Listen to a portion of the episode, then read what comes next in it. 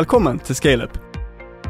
Dette er en podkast om dyrende innovasjons- og teknologimiljø i Norge, hvor vi søker å finne svaret på hvordan Norge kan bli en anerkjent tech-hub globalt.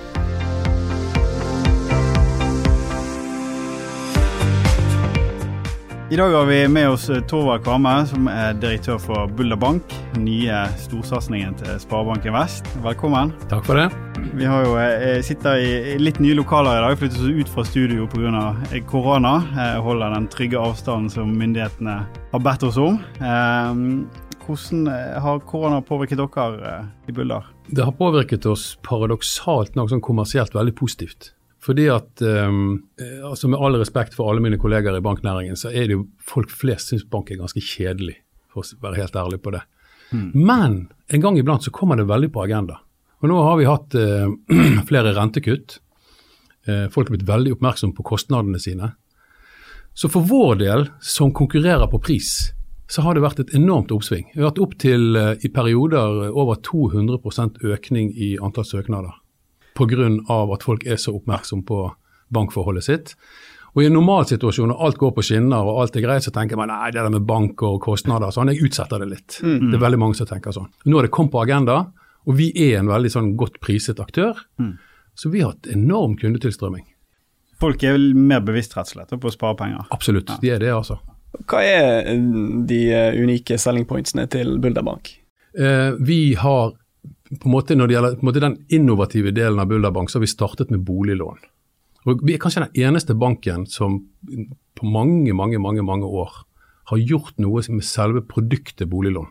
Fordi at vi hadde en del altså for å si det, vi, vi har sånn filosofi i Bulderbank at vi skal løse et kundeproblem når vi på en måte kommer med et produkt, sånn helt på ekte. Ikke bare at vi sier det, men vi skal faktisk gjøre det. Ja.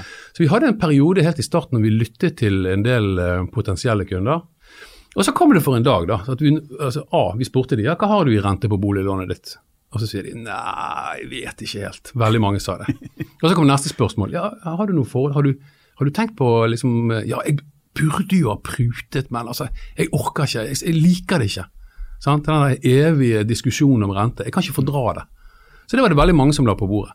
Og det er et ekte kundeproblem. Det var ingen, det var ikke én eneste kunde som ba oss om å lage et produkt hvor vi setter automatisk ned renten, sånn som vi har per dato. Eh, men det er jo, altså problemet lå der, og så er det opp til oss å finne løsningen. Så Derfor har vi laget et produkt som A er alltid er skarpt priset i forhold til de andre, og som automatisk går ned i rentesats etter hvert som sikkerheten din blir bedre. Og sikkerheten din blir bedre enten ved at verdien på boligen går opp, eller du betaler ned på lånet. Så det gjør vi hver eneste måned. Så sender vi ut et knippe med meldinger til kunder som har fått automatisk satt ned renten sin. Og det er jo verdens hyggeligste melding å gi. Og de som får den meldingen, de eh, er jo eh, Altså, de blir på en måte minnet på banken på en positiv måte. Mm. Og så kan du sammenligne da med de der som vi snakket med. Som sitter og tenker å herregud, jeg burde jo ha snakket med banken. Sant? En veldig ubehagelig følelse. Så ofte boliglånskunder eh, sin kontakt med banken er rett og slett ganske ubehagelig. For Hver gang du snakker med banken om boliglån, så er det for å prute, og så må du ta kontakt med denne rådgiveren som egentlig hjalp deg, og så skal du kjefte litt på de, og skal du true med å skifte bank og sånn. Alt det der har vi bare fjernet totalt. Så det er liksom, det er akkurat nå da er det vårt viktigste produkt. Ja, de fleste kjenner jo pain med å jeg, jeg, kjenner meg godt igjen i den. Jeg, jeg er jo den som pruter på banken. Da. Ja, det det er, positivt, det er. det er så Hvert år så har jeg en sånn årlig mail jeg sender til rådgiveren min. Men uh, rådgiveren min er jo veldig snill og hyggelig dame og hjelpsom, så foreløpig så er jeg superfornøyd med henne. Uh, ja, Vi snakket jo litt om det mm. før mm. podkasten, at du, eh, du, var fornøyd med rådgiveren din. Du ville mm. ha en rådgiver. Så du kanskje ikke akkurat ja, For meg er det litt sånn å kunne ringe til, til, til, hun når jeg trenger det, da, eh, er liksom viktig. Men samtidig så jeg, jeg var egentlig ganske tett på å bli kunde av Bulla òg, mm. når dere lanserte. Ja. Fordi at det var en ganske god flyt med den. Altså, av nysgjerrighet så testet jeg ut det å bli kunde. Onboardingen. Eh, onboardingen ja. Og fikk tilsendt automatisk bankkort hjem. Alt mm. var liksom det føles automatisk. Jeg vet ikke om det er fullautomatisk. Jo, jo da, det er automatisk. Det er alt det, sammen. Ja da, ja da, det er det absolutt. Så, så det er en veldig god prosess, da. Mm. Eh, og eh, profil og alt. Det er en, det er en kul bank, da, vil jeg si. Ja. Så, så, det er sånn du har litt lyst til å bli kunde, for det ser kult ut. Uh, og jeg, Men hva var det som stoppet deg?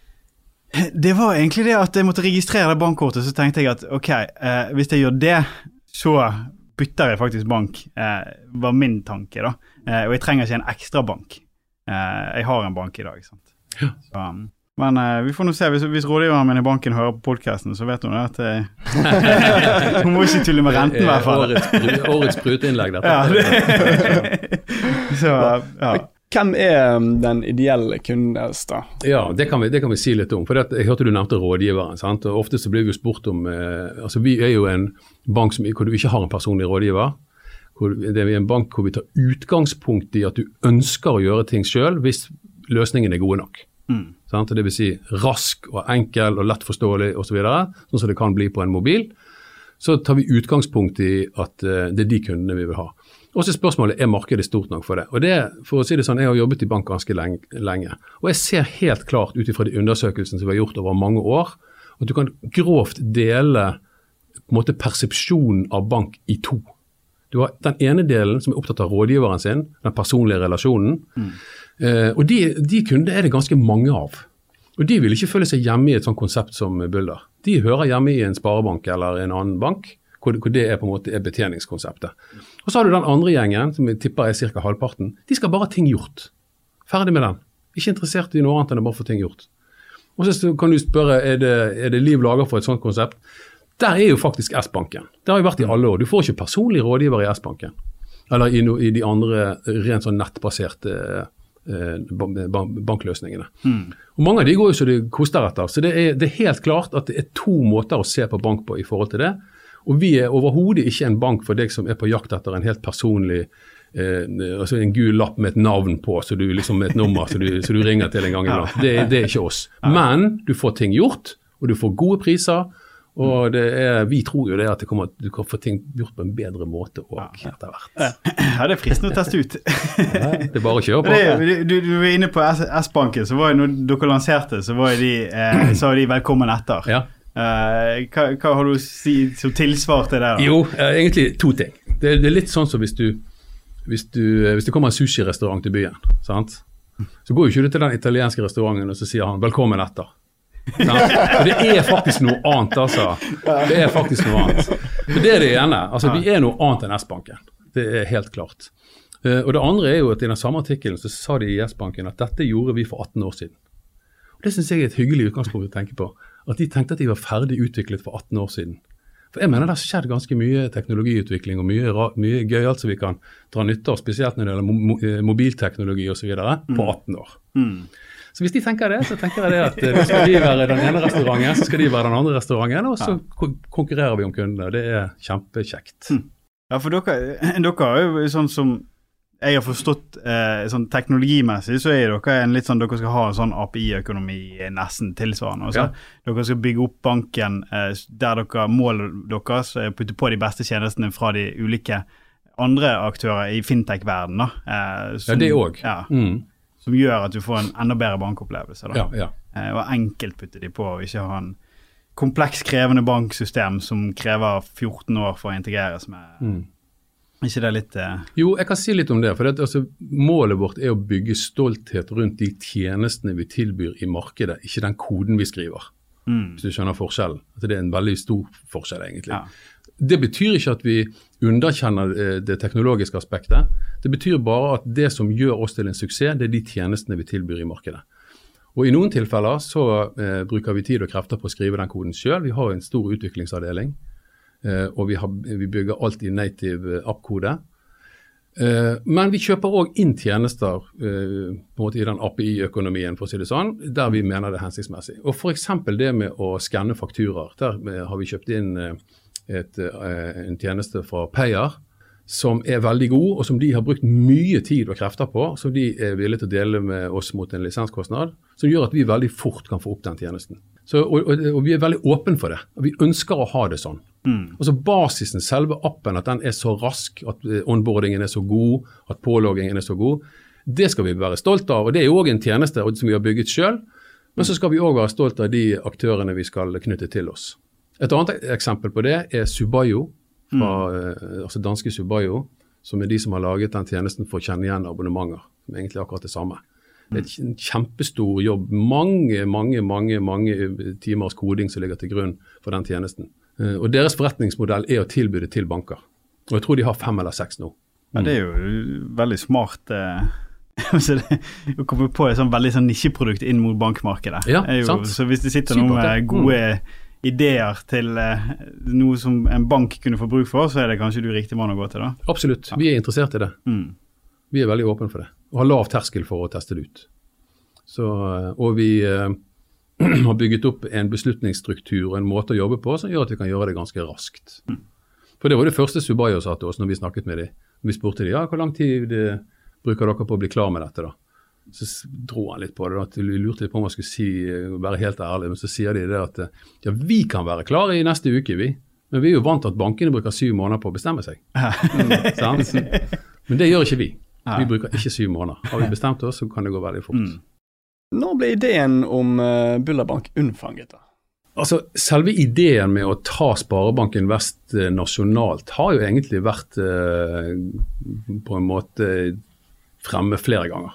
Men det som er litt spesielt akkurat nå, og som gjør at dette var riktig tidspunktet, det er egentlig to ting. Det ene er at si Fra ca. 2013 vil jeg si, så begynte Sparebanken Vest på en transformasjon. Fra å være en litt ganske tradisjonell sparebank til å bli eh, bygge opp en stor eh, IT-utviklingsdel.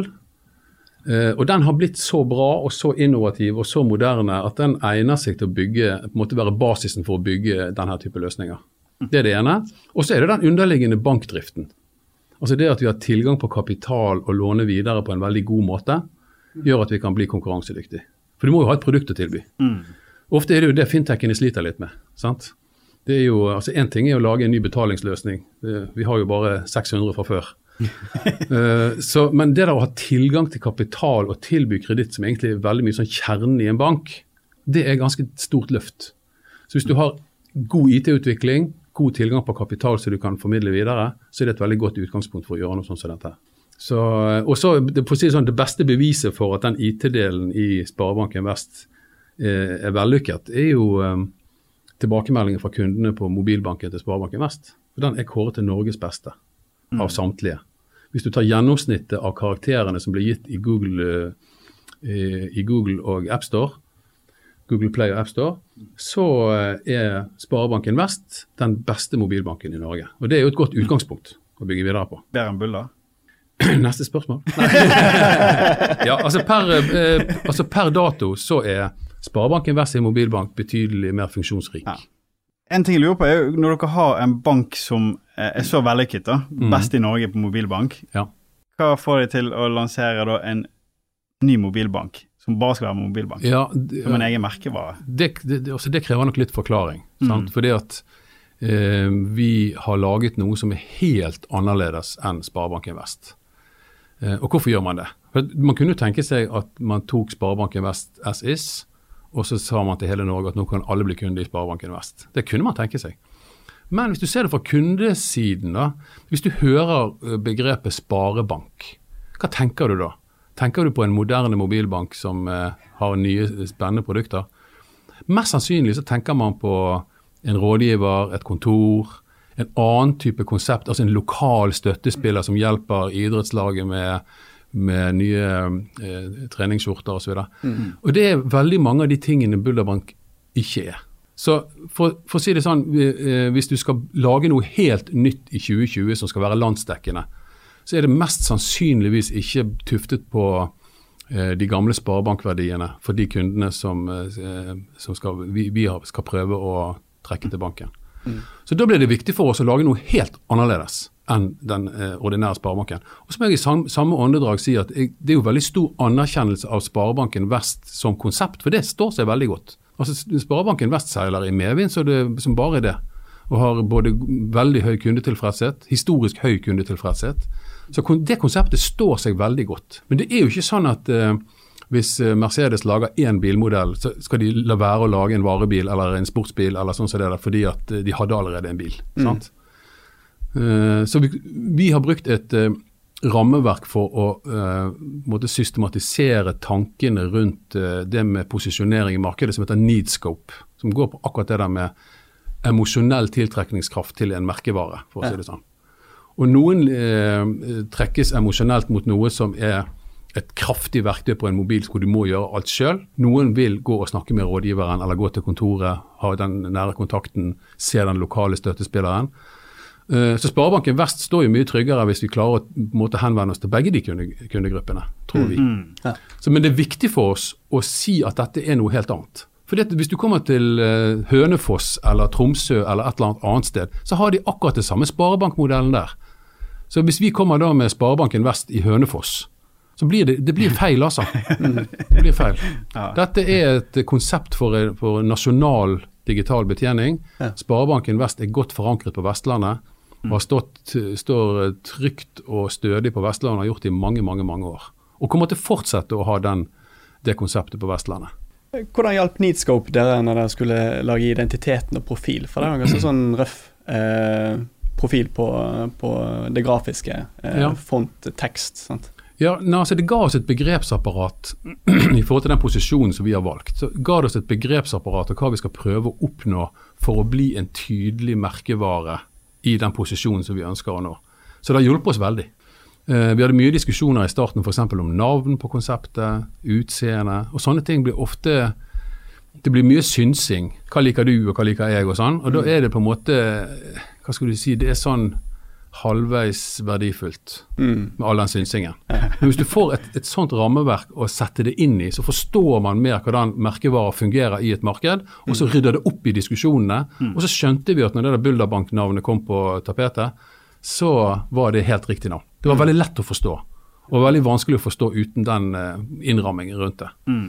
Så det er, en, det er, virkelig noe å anbefale òg for startuper på en måte forstå hvordan man skal eh, posisjonere seg i et marked, så det er et godt rammeverk å bruke. Needscope, er det noe som ligger ute forklaringer på på nettet? Det ligger litt. Ja. Det er egentlig litt sånn lisensiert av et selskap som heter Kantar, som på en måte er lisenshaver i Norge. Da. Men det blir brukt av eh, mange store internasjonale merkevarer for å forstå sin egen posisjon og for å utvikle nye produkter. Og, mm. ja. Mm. Men ikke i forhold til produktegenskapene, men i forhold til den emosjonelle tiltrekningskraften mm. til et, et produkt har. Ta for eksempelvis to bilmerker. da. Ta Mercedes og uh, Volvo.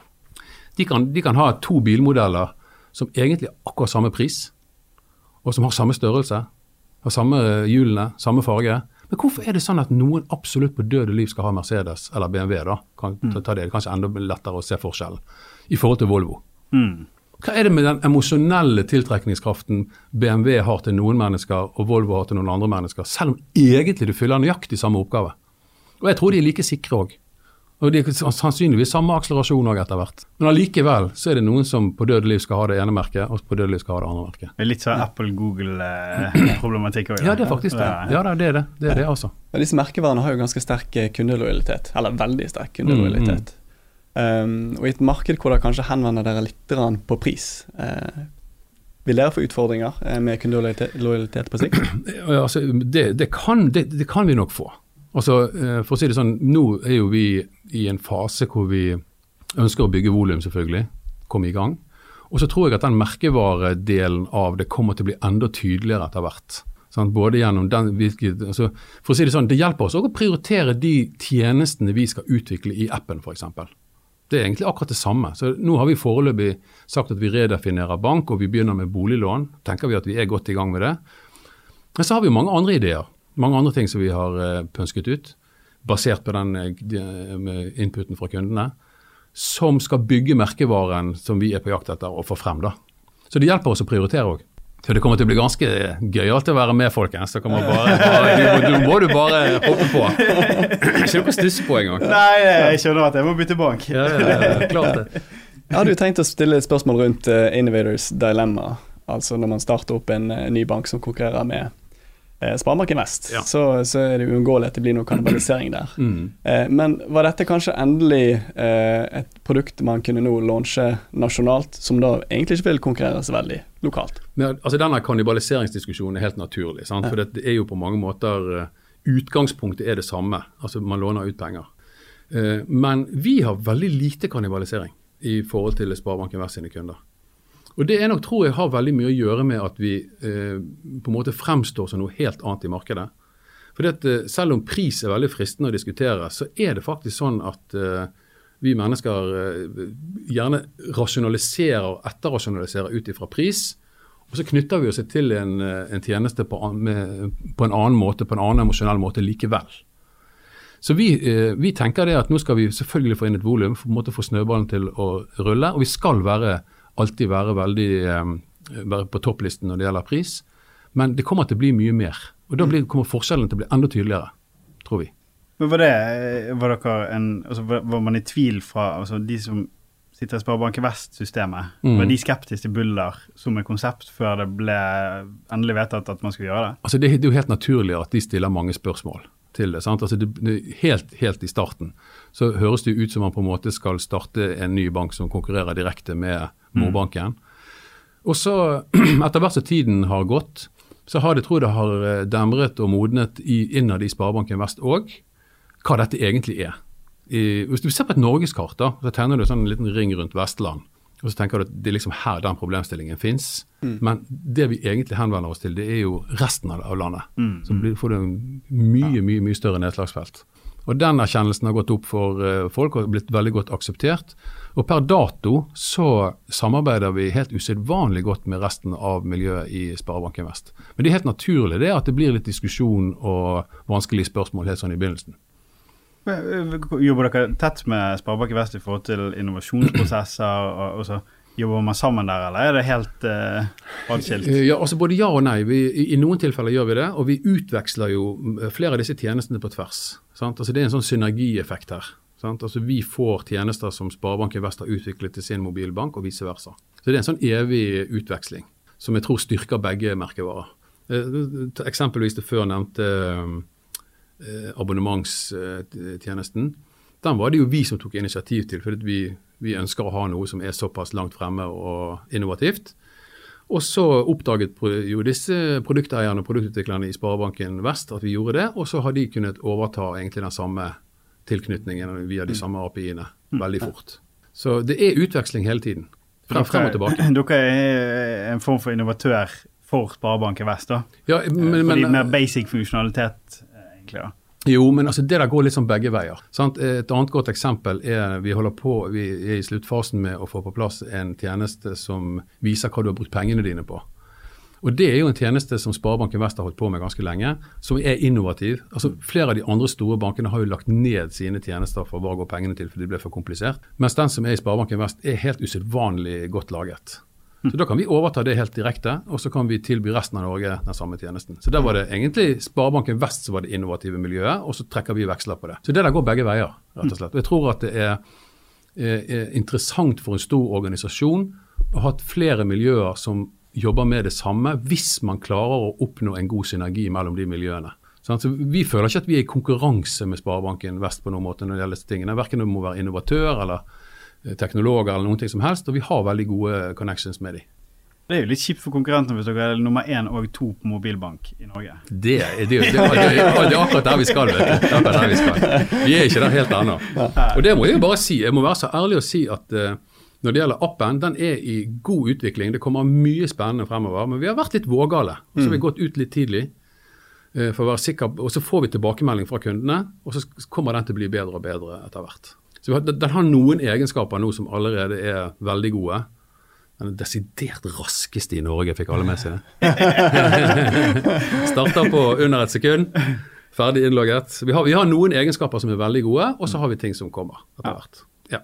Men eh, hva var grunnen for at dere, dere, dere, har jo tatt høyere risiko når dere lanserte produktet så kjapt? Eh, også bank generelt er jo veldig sånn kjent, de er egentlig kjent for å være veldig risikoavers. Mm. Eh, dere er jo litt sånn motsetningen til det. da. Jo, men det, det trenger ikke nødvendigvis å være at man tar så mye høyere risiko.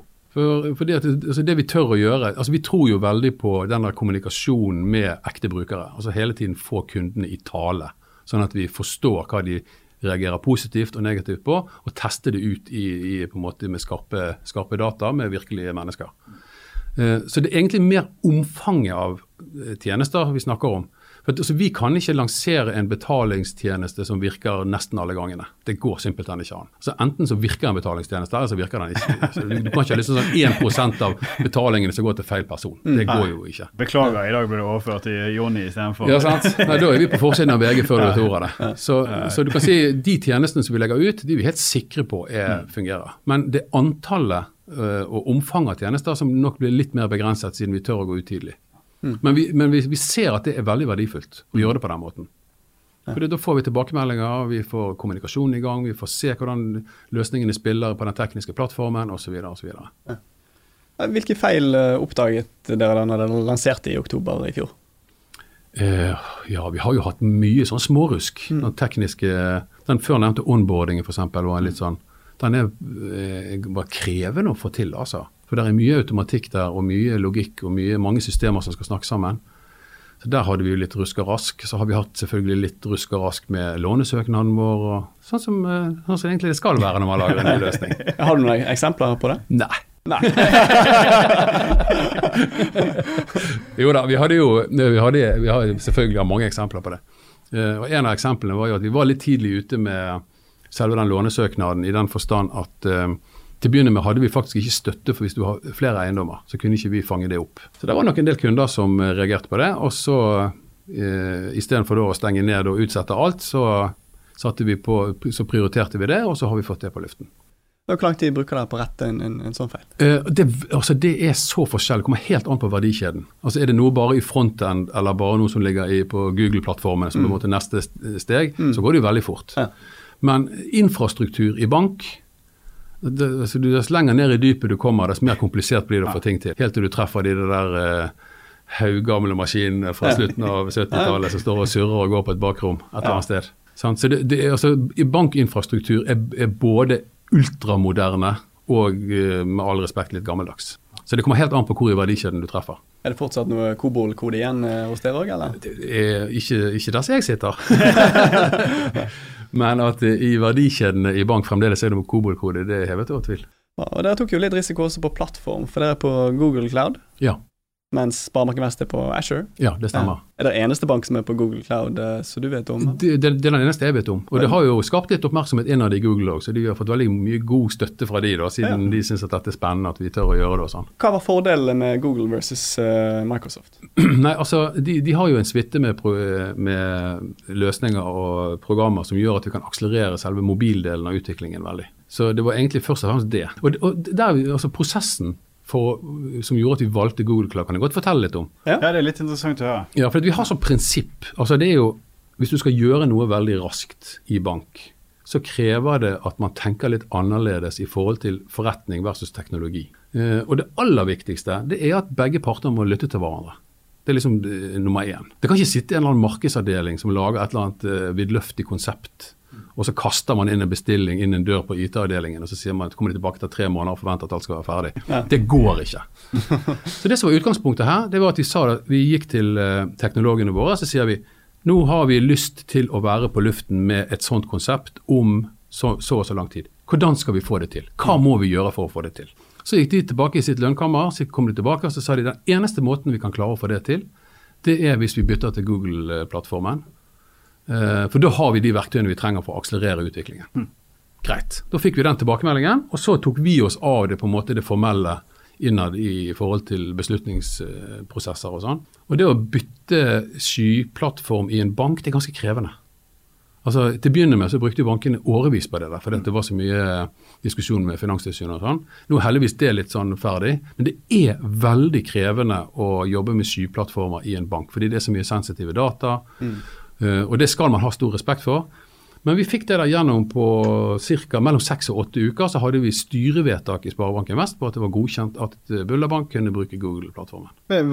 Tok man da hensyn til eh, altså, Jeg har jo tidligere hørt fra, fra, fra andre der de snakker om at Google-plattformen i forhold til personvern og disse tingene her er mm. ikke like godt altså, det er ikke like godt ivaretatt som på Microsofts side. da. Eh, hva vurderinger gjorde man der i de tilfellene? Nei, altså Vi har jo brukt, uh, vi har jo veldig sterke fagmiljøer i Sparebanken Vest i forhold til å forholde seg til det. Så vi, Alle vurderingene er gjort. Uh, Google har støttet oss veldig. For, ta eksempelvis dette med lokalisering av servere. Til å begynne med var det jo veldig motvillig, det skulle alt ligge i USA. Mm. Men nå, vi, nå, kan vi spesifisere at det skal ligge i et EU-land, og alt det der er innafor. Så dere har egentlig plutselig Google litt, da? Eh, ja, ja, altså Vi er veldig sånn agnostiske til det der. Vi bruker det altså, igjen, sant? Altså Vi er jo ikke stolt av kode eller teknologi i, i, den forstand. Selvfølgelig det er hyggelig at vi kan finne teknologi som hjelper oss. Vi er kjempeglade i teknologi, vi elsker det. Mm. Men vi er mest stolt av de tjenestene vi tilbyr og det vi får ut i markedet. Det er jo mm. det som er målet. Så dette var jo et virkemiddel for, for å akselerere det. Mm. Altså Microsoft Azure har mye bra med seg, helt sikkert, mm. men, det, men, dette var det vi trengte nå. Og da, da, Vi er jo ikke gift med noen teknologi på noen måte. Vi, vi bruker det som akselererer dette prosjektet Eh, mest mulig mm. for, for, å komme ut i markedet. Det som virkelig teller, er å være ute i, på en markedsplass og være til stede og løse problemer. Spesielt nå vil jeg tro når du på en måte du har PST2 og det er ekstremt mye sånn spennende startup som kommer der og lusker, og potensielle konkurrenter som du kanskje ikke trodde kunne være en konkurrent, eller som ikke du visste var et konsept engang. Ja, PST2. Eh. Hva syns dere om det? ja, nå er det vi som stiller spørsmål. ja, ja, ja, ja, ja, ja. For det er jo, Hele PST2-problemstillingen er, er jo litt keiserens nye klær òg. Er det det? Men ja, jeg, også, altså, det ikke, ikke, tvinger ikke det bankene til å åpne opp og på en måte fremmer innovasjon på en ny måte, da? Jo, absolutt. Og jeg tenker at det er helt greit. Altså, Du eier dine egne data. Du genererer data i en bank. Så da må, må, du få lov å ta med deg de dataene til en annen aktør. Mm. Så det syns jeg er helt greit. Det er et bra prinsipp. Men, men, på en måte i foranledningen til hele PST2-rammeverket når det kom, mm. så hørtes det jo egentlig ut som om hele banknæringen skulle bli snudd fullstendig på hodet med en gang disse her eh, API-ene ble åpnet opp. Og det, så har jo ikke skjedd. Ja. Sant? I forbindelse med, med denne podkasten så eh, indikerte dere at vi skulle snakke litt om PST2. Så tok jeg en liten runde, da, snakket ja. med noen kollegene mine. Eh, har dere noen gode eksempler på virkelig sånne banebrytende PST2-ting ja. dere kommer på? Det blir litt sånn tusen tusenmeterblikk og det, Vi snakket om det i forkant av podkasten mm. når, når, vi lagde spørsmålene. Mm. Vi snakket jo med Atle Sivertsen i Finance Innovation i fjor sommer. Ja. Da vil jeg si i hvert fall graden av angst, i hvert fall fra oss, ikke fra Atle Sivertsen, men fra, fra, fra, fra, vår side, og vår persepsjon av hva bankene der ute tenkte, var litt høyere. Lykten mm. for Facebook og Apple var Amazon for den saks skyld, var høyere. Mens nå derimot så, så virker det som at uh, innovasjonsgraden er såpass høy, og konkurransen fra type Facebook mm. er der enda, i hvert fall. Det er akkurat det. Ja. Altså, den, den, frykten var større enn realitetene når, det, når, alt kom til alt. Det var det litt det som var mitt poeng. Og så, og så ser jeg òg det at uh, det, det, ligger ikke noen sånn åpenbare, fantastiske tjenester. Mm. La oss si da, du, du, du, sa jo nettopp at du har bare én bank. Du, ikke, du trenger ikke en bank ja. nummer to. Ja. Så du er jo nederst på listen av, i målgruppen. For, så altså, hva skal du med det da? Altså, hvis det er bare snakk om å hente data fra andre banker, som mange nå har åpnet opp for, mm. mm. så er det jo litt sånn, det er jo for så vidt litt underholdende det en gang. Mm. Men den, den, appen til den andre banken ligger jo på ikonet ved siden av, da. Og er like raskt å komme inn og se på dataene dine der. Det som jeg tror, det er det at når noen klarer å begynne å sammenstille de dataene på en virkelig god måte, da begynner det å skje litt ting. Mm. Og jeg har, to, jeg har faktisk to eksempler på det. Ja. Eh, det ene er renteradar. For det renteradar, det de gjør, eh, som jeg syns er et veldig interessant spor, det er det at de, du går på renteradar. Eh, altså Dette er egentlig bare beslektet, men dere, dere vil sikkert skjønne hvor jeg vil hen. Mm. Men det de gjør, det er det at eh, de sier vi logger inn i den banken du har, og så henter vi ut dine opplysninger om lånet ditt, og så skal vi finne et bedre tilbud til deg. Det er på en måte gangen i det. Det samme som noen, et svensk selskap som heter Tink, som gjør egentlig det samme. Mm. Uh, de, har, de, har, gjort det på en litt annen måte. De har re-engineret egentlig API-ene, uh, mobil-API-ene til de forskjellige bankene. Uh, sånn at de tar seg egentlig litt til rette og gjør ting som bankene normalt ikke er så grådig begeistret for, men det er det de holder på med. Men de òg klarer å hente ut masse opplysninger uten at du trenger å gjøre noe. Det er sånn der neste generasjon PSD2, kan man godt si. Så hvis du kunne ha da en en tjeneste som logget seg inn i den banken du har, og mm. analyserte, tok ut alle betingelser og alt du eier og har, og så her er analysen. Og her er de alternativene du har. Så begynner det å ligne litt. Så det er én retning, altså en sånn type renteradar som er som egentlig eh, virkelig hjelper deg med et par tastetrykk til å finne noe som er mye bedre til, i forhold til det du er på jakt etter. Og så er det den andre retningen, det er de som faktisk bruker mange banker. Hvis du helt på ekte klarer å hente data fra alle aktørene, sette det sammen, sånn at denne 'hva går pengene til' er mm. helt reell. Som inkluderer det der bensinkortet og ja. alle de andre tingene, forbrukslånet ditt i en annen bank osv. sant? Ja, for det da begynner det å svinge litt. Ja, og det funker jo ikke i dag. For, for de aller fleste, i hvert fall. Nei, du har jo Spir er vel en uh, ja, Spir er, De er litt, ja. litt der, da. Uh, de er litt der. Jeg henter forbruket ditt, da, i hvert fall. Uh, jeg har jo testet de sjøl. Og det, det ser jo det, Spir og Tink de er vel òg blitt en sånn form for leverandør til alle disse startupene som ønsker å integrere seg uten å gjøre integrasjonen. Da. Ja, altså Tink har jo faktisk skiftet strategi. Mm. Altså, de har gitt opp å, å, å skaffe sluttbrukere til sin egen uh, sin egen app, og så er det blitt en leverandør til bankene. Så de har ombestemt seg. Hvilke banker er det som har inspirert dere? Er det type tyske N26, eller um, ja, N, ja, ja, N26. Er, altså, personlig så har jeg lommeboken full av kort fra ulike banker fra hele Europa, for jeg har drevet og testet de ut. De kone er litt så, så, så mens det var én bank, så har jeg sånn 12-15 eller noe. Eh, men, eh, men, eh, poenget er at det, det, er to, det, er egentlig to, retninger. Altså Når det gjelder boliglånsdelen, så har vi funnet veldig lite å bli inspirert av. Så det er på en måte det er våre egne, våre egne innovasjoner, det som ligger der. Altså alt som er tenkt ut i forhold til det.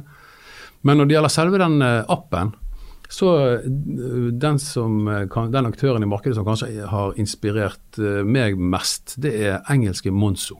De ble startet i 2015 og har per i dag over fire millioner kunder i England. Og de, tilbyr, de har akkurat kommet i gang med å tilby kreditt, men eh, de første tre millioner kundene kom uten at de hadde verken kredittkort eller lån eller noen ting, og mm. ingen rente på innskudd. Hva var grunnen til at folk var til det? Yes! Det var jo det som var spørsmålet! det var det som var spørsmålet. Uh, og, og, og, kan si i forhold til uh, det engelske markedet så er det litt urettferdig å sammenligne. fordi at uh, de andre engelske, mange av de andre engelske bankene er usedvanlig gammeldags. Altså er, de norske bankene er faktisk jevnt over veldig moderne sammenlignet med spesielt tyske og engelske banker. Så der var verdiforslaget bare at du får virkelig en app som er rask, og som viser deg alt du trenger, og som alltid er tilgjengelig, lett å logge inn i, og som er lett å bruke. Det var et verdiforslag som var godt nok til å på en måte få inn de der tre, tre, millioner kundene. Og så har de laget en del fikse, massevis av fikse tjenester. De er veldig veldig, veldig flinke å involvere kundene sine. Masse meetups. De mm. har mm typisk sånn millennial-bank, vil jeg si. Og hele den stilen på en måte med måten å tenke community på. Ja, veldig åpne. Så de, de, driver virksomheten sin på en veldig interessant måte. Overraskende åpne. De bretter ut sine interne kalkyler på meetups på YouTube, og det er liksom ikke noe Ingenting som er skjult. Så veldig, veldig sånn interessant case. Det er egentlig motsatt av det man eh, ser på som en sånn typisk bank, da, rett og slett. Ja, de, er, altså, de, har måte, de, har på mange måter utfordret kategorien litt. Mm. Spesielt i England, hvor du ser, hvis du ser for deg en klassisk engelsk bank, så er det mye stive dresser og mm. nystrøkne hvite skjorter og den type ting. Ja, ja. Uh, og så kommer disse her gærningene her med, med T-skjorter og, og, og, øl og pizza. sant? Ja. Så det, det, det, det, er noe med der også I forhold til merkevarebygging og emosjonell tiltrekningskraft, så er jo det òg en merkevarebygging som fungerer veldig bra utover akkurat den faktiske tjenesten de tilbyr. Da. Men det er veldig imponerende det de har fått til. Men Er Bulder Bank eh, noe som kan eh, eksporteres til eh, UK eller Nederland eller Danmark for den saks skyld? Ja, altså det er, et, det er et spørsmål som jeg, vi har egentlig diskutert en god del. Og Når det gjelder boliglån, da, for å ta det først, så er boliglån veldig forskjellig fra land til land. De, de, alle land har sine regulatoriske krav på seg. altså Banknæringen er jo helt gjennomregulert. Altså Vi mm. har jo lover og regler for nesten alt som, som finnes. Og Det er forskjellig fra land til land. Så det å bare ta et konsept sånn og flytte det f.eks. til Tyskland eller til eh, Danmark for den sakens skyld. Danmark er et godt eksempel. For Der er boligmarkedet helt annerledes enn i Norge. Boliglån er bygget opp på en helt annen måte. Ja, På hvilken måte? F.eks. for eksempel Når du tar opp et boliglån i eh, Danmark, så er det typisk knyttet til én spesifikk obligasjon i markedet som blir utstedt pga. det boliglånet ditt. Det er helt annerledes enn her. Sant? Så det, det, det er så annerledes. Ja. Og det er de rareste produkter. For noen år, for en del år siden så hadde de i Danmark noe som het 100-årslånet. Så det er en obligasjon som går over 100 år. Så du kan, det er praksis barnebarnas barnebarn som betaler siste avdrag. I Norge, altså, I Norge, ville vi kalt det et avdragsfritt uh, boliglån. Men, uh, så, så, det er veldig annerledes. Så det er klart at Du kan ikke ta selve det basiskonseptet med boliglån og flytte det direkte. Uh, og så er det én ting til som er veldig stor forskjell på de nordiske landene og resten av Europa. Mm. Og det er um, autentisering. Vi har bank-ID. i eh, Norge, og i Danmark har de NemID, også i Sverige har de noe tilsvarende. Eh, hvis du kommer til Italia eller til Tyskland eller til England, så er det det største problemet de har. Det å vite at det er rett person som sitter på andre siden av eh, glassplaten. Mm. Og hva, hva, gjør du da? Jo, da ber du dem komme i et kontor. sant? Og da har du det gående. Men, så funker ikke det med Det vil jo være altså, Du klarer ikke å digitalisere det 100% men å vise passet ditt, f.eks. Ja, men, men, men, poenget er at uh, Bulderbank er jo tuftet på at folk skal klare seg helt sjøl bare med å laste ned en app. Mm. Altså For å få den, på en måte den ekstreme veksten som man typisk ser i en mm. sånn uh, i en, i en litt bratt digital vekstkurve, så er man helt avhengig av at folk klarer seg sjøl. Mens i Tyskland så må du innom og vise pass et eller annet sted. og Da, du, da er du ned på en sånn lineær vekst igjen, på en måte. Mm. For da skal du uh, etablere alle kontorene som kan sjekke pass og gjøre alle tingene der. Hvis BankID kan eksporteres, så bør det perfekte timingen være nå pga. Eh, covid-19. Mm. Det tror du er helt rett i. Du vil jo ikke ha folk inn ja. i, på italienske bankkontorer. Mm. Ja. Altså BankID har egentlig det har litt sånn blandet rykte. Altså De som har tekniske problemer med BankID, syns det er vanskelig å ha mm. med å gjøre. Og tidligere var det jo verre. Nå har det blitt veldig bra sånn sett. Og har man mistet kodebrikken og alt det der. Men BankID, at vi har klart å distribuere en nasjonal påloggingsmetode til hele Norge, er et fantastisk utgangspunkt for å drive innovasjon på, eh, på avanserte digitale tjenester. Det er det beste på en måte rammebetingelsene du kan få for å, for å virkelig innovere på det. Ja. Som er veldig vanskelig i Tyskland, f.eks. Ja. Er det noen kommersielle krefter i BankID? Eller er det, nå spør jeg sikkert dumt, men er det offentlig? Ja, altså BankID er jo opprinnelig uh, utviklet av bankene i fellesskap. Og nå har de fusjonert med VIPS, mm. så nå er det blitt ett selskap. Uh, og jeg tror at vi kommer til å se uh, at de kommer til å bruke det potensialet som ligger i BankID i mye større grad enn man har gjort tidligere. For VIPS skråstrek BankID er jo en uh, mye mer kommersielt anlagt aktør enn hvis det bare er en sånn felles IT-infrastrukturkomponent for bankene. Så jeg tenker at potensialet der er helt utrolig stort. altså. Mm. Ja, altså Ethvert land som ikke har en god løsning for det i dag, bør jo være interessert. Helt klart. Når du ser ja, ja, ja. hvor godt det fungerer i Norge. Det kunne blitt en sånn der første norsk unicorn, det. Hvis man nye oljen. Hadde, hadde, ja, sant. Den nye oljen. Endelig! Det der med den nye oljen var løst. um, ja, jeg, jeg, ser vi nærmer oss litt på tiden her nå. Um, det jeg vi kunne tenkt Hvis du hadde hatt uh, et spørsmål litt mer sånn generelt til deg, da. Mm. Hvis du hadde hatt 100 millioner kroner, hva tre selskaper ville du investert i i Norge? Oi, oi, oi. Ja, jeg, jeg, du får ikke lov å si Bulder. Nei. Nei Eller Bergen Bio for fire uker siden. ja, men det er den, er, den, er, den er gått, gått, ut. Nei, vet du hva, Jeg syns det er helt utrolig vanskelig å svare på. Men jeg, jeg, jeg måtte tenke mer bransje, jeg, da. Mm. Jeg mener, altså uh, Dette høres ut som jeg ber for min egen syke mor, men jeg tror faktisk at uh, Sparebanken er, er, undervurdert nå. De har fått, de har fått altfor mye juling i, eh, akkurat i den siste tiden. Mm. Så jeg har i hvert fall puttet en tredjedel inn i en sparebank. Sparebanken Vest, f.eks. som jeg mener er en kjempegod investering. Mm. Er, vi kommer alltid til å ha behov for banktjenester, og de, er, de har for lav verdi for, for øyeblikket. Mm. Og så, i, i, så, tenker jeg jo, så spørs det hva type investor man er, men jeg hadde puttet en tredjedel i et, et indeksfond. jeg altså. Og så har jeg tatt den siste tredjedelen i noe som er virkelig um, Hvor man tar en stor sjanse. F.eks. Tesla eller lignende. Mm. Bare norske selskaper, eller? Nei, med, ja, egentlig. Kan vi, kan, vi litt, kan, vi, se litt, stort på det? ja. Ja, det er jo Nei, spørsmålet altså, det, det kommer, er, er, det noen spennende eh, norske selskaper som på en måte har den ja, jeg, jeg, globale muligheten til Jeg skjønte at det var det som lå litt bak, men, eh, men eh, jeg, vet du hva, jeg har ikke noen veldig gode eksempler på det. altså. Jeg har ikke det. Vi må bli mer innovative i Norge, da. Det må vi. Vi, altså, vi trenger på en måte, For å få den snøballen til å rulle, som man har f.eks. sett i Sverige, mm. der har vi jo Klarna og et par andre fintecher som har gjort det veldig stort. Så er det på mange måter Jeg har en følelse av at vi har på en måte ikke kommet Vi har ikke fått snøballen til å begynne å rulle. Vi mangler denne ene som viser, viser oss at det går an. Jeg husker For noen år siden så, så hørte jeg på radio en eh, intervju med en, eh, en av disse idrettsutøverne på Voss. Og Voss er jo bare et lite tettsted med masse snø.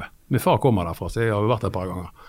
Eh, og, og, så er, det, den ene verdensmesteren etter den andre som kommer ut av den lille bygden på Voss. Hvorfor er det sånn? Hvorfor i alle dager klarer de å produsere så mange verdensmestere? Og så var det en av disse som var intervjuet, en av disse skistjernene som var intervjuet, så sier han det at ja, Jeg sto nå på heimgården, og så han der eh, kompisen min på nabogården klarte å bli verdensmester. Da må han forsyne meg jeg klarer å bli verdensmester òg.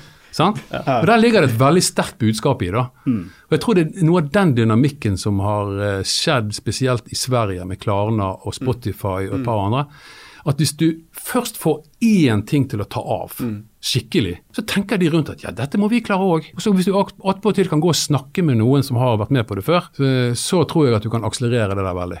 Og Det er jo lettere å skaffe investorer òg, vil jeg tro. For da har investorene sett at det faktisk kan skje. Nettopp. Eh, så jeg tror det er litt utfordringen i Norge per dags dato. Da har du både tilgang på kapital, og så mm. har du selvtillit, og du vet at det er mulig å få det til. Og mm. da tror jeg du øker sannsynligheten for å få det til ja. vesentlig. Det er altså egentlig det samme i Silicon Valley, av mye av det som har kommet ut der. Det er jo helt innlysende at det, det er jo selve miljøet rundt mm. som, som på en måte gjør at det blir sånn som det blir. Ja, Nå sitter vi jo i medieteknologien sin høyborg her på, på Media City, og ja. her er det jo plenty av selskaper. Dette er jo et fantastisk eksempel. Mm. Altså Det som har skjedd med utgangspunkt i TV 2, er jo mm. bare rett og slett imponerende. Ja. Mm. Helt utrolig imponerende. Ja. Og det er klart TV 2 har jo kunnet ha mye kapital til at, å, å gi Vissat eller Vimon oppstartspenger. Ja. Men det bør jo bankene i aller høyeste grad eh, ha. Ja. ja. Så nå, kan, eh, nå, må vi virkelig få gang på fintech-delen òg, sånn at vi på en måte får den samme snøballen til å begynne å rulle. Mm. Det må være felles mål, altså. Ja, flott. Men dere er jo ny arbeidsgiver i uh, byen her, ja. det er vi veldig glad for. Det tech-miljøet øker. Mm. Um, hvor, hvor, stor kommer dere til å være om uh, to, to, års tid. Hvor stor er tech-miljøet deres nå, og hvor stort er det om ett til to år? Vi er jo litt i en sånn eksperimentfase. Sant? så det, det, det, er litt vanskelig å si. Altså det, det, jeg kan si helt sikkert, er at vi skal ha et utviklermiljø i Bulder Bank mm. som skal lage nye, spennende tjenester. Men hvor stort det blir, er vanskelig å si ennå. Det kommer litt an på antallet samarbeidspartnere vi velger, mm. om vi lager egen kode, eller hvordan vi kommer til å gjøre det. Så det kommer til å først og fremst å ha sammenheng med hva skal vi si, den strategiske retningen vi beveger oss i. Og ikke minst volumet på antallet kunder og det vi klarer å få inn. Som gir eh, grobunn for å ansette flere. Så Foreløpig litt vanskelig å si, men vi, har, vi er veldig vi er ambisiøse. da. Vi skal virkelig få dette til. Hva er planen? Hvor mange eh, brukere har, eller kunder har dere i løpet av året? Ja, jeg, kan, jeg kan si hvor mye vi har akkurat nå. Nå er vi, vi har lånt ut ca. 1,7 milliarder kroner så langt. Vi har eh, rundt litt over 4000 kunder. Eh, ved utgangen av neste år så har vi som mål at vi skal låne ut ca. 20 milliarder kroner. Mye penger. Og ha ca. 20 000 kunder. Det er det som er på en måte målsatt, og det som vi har sagt til markedet. Eh, men det er klart at tar det helt av, så skal det bli enda mer. du sier ikke nei?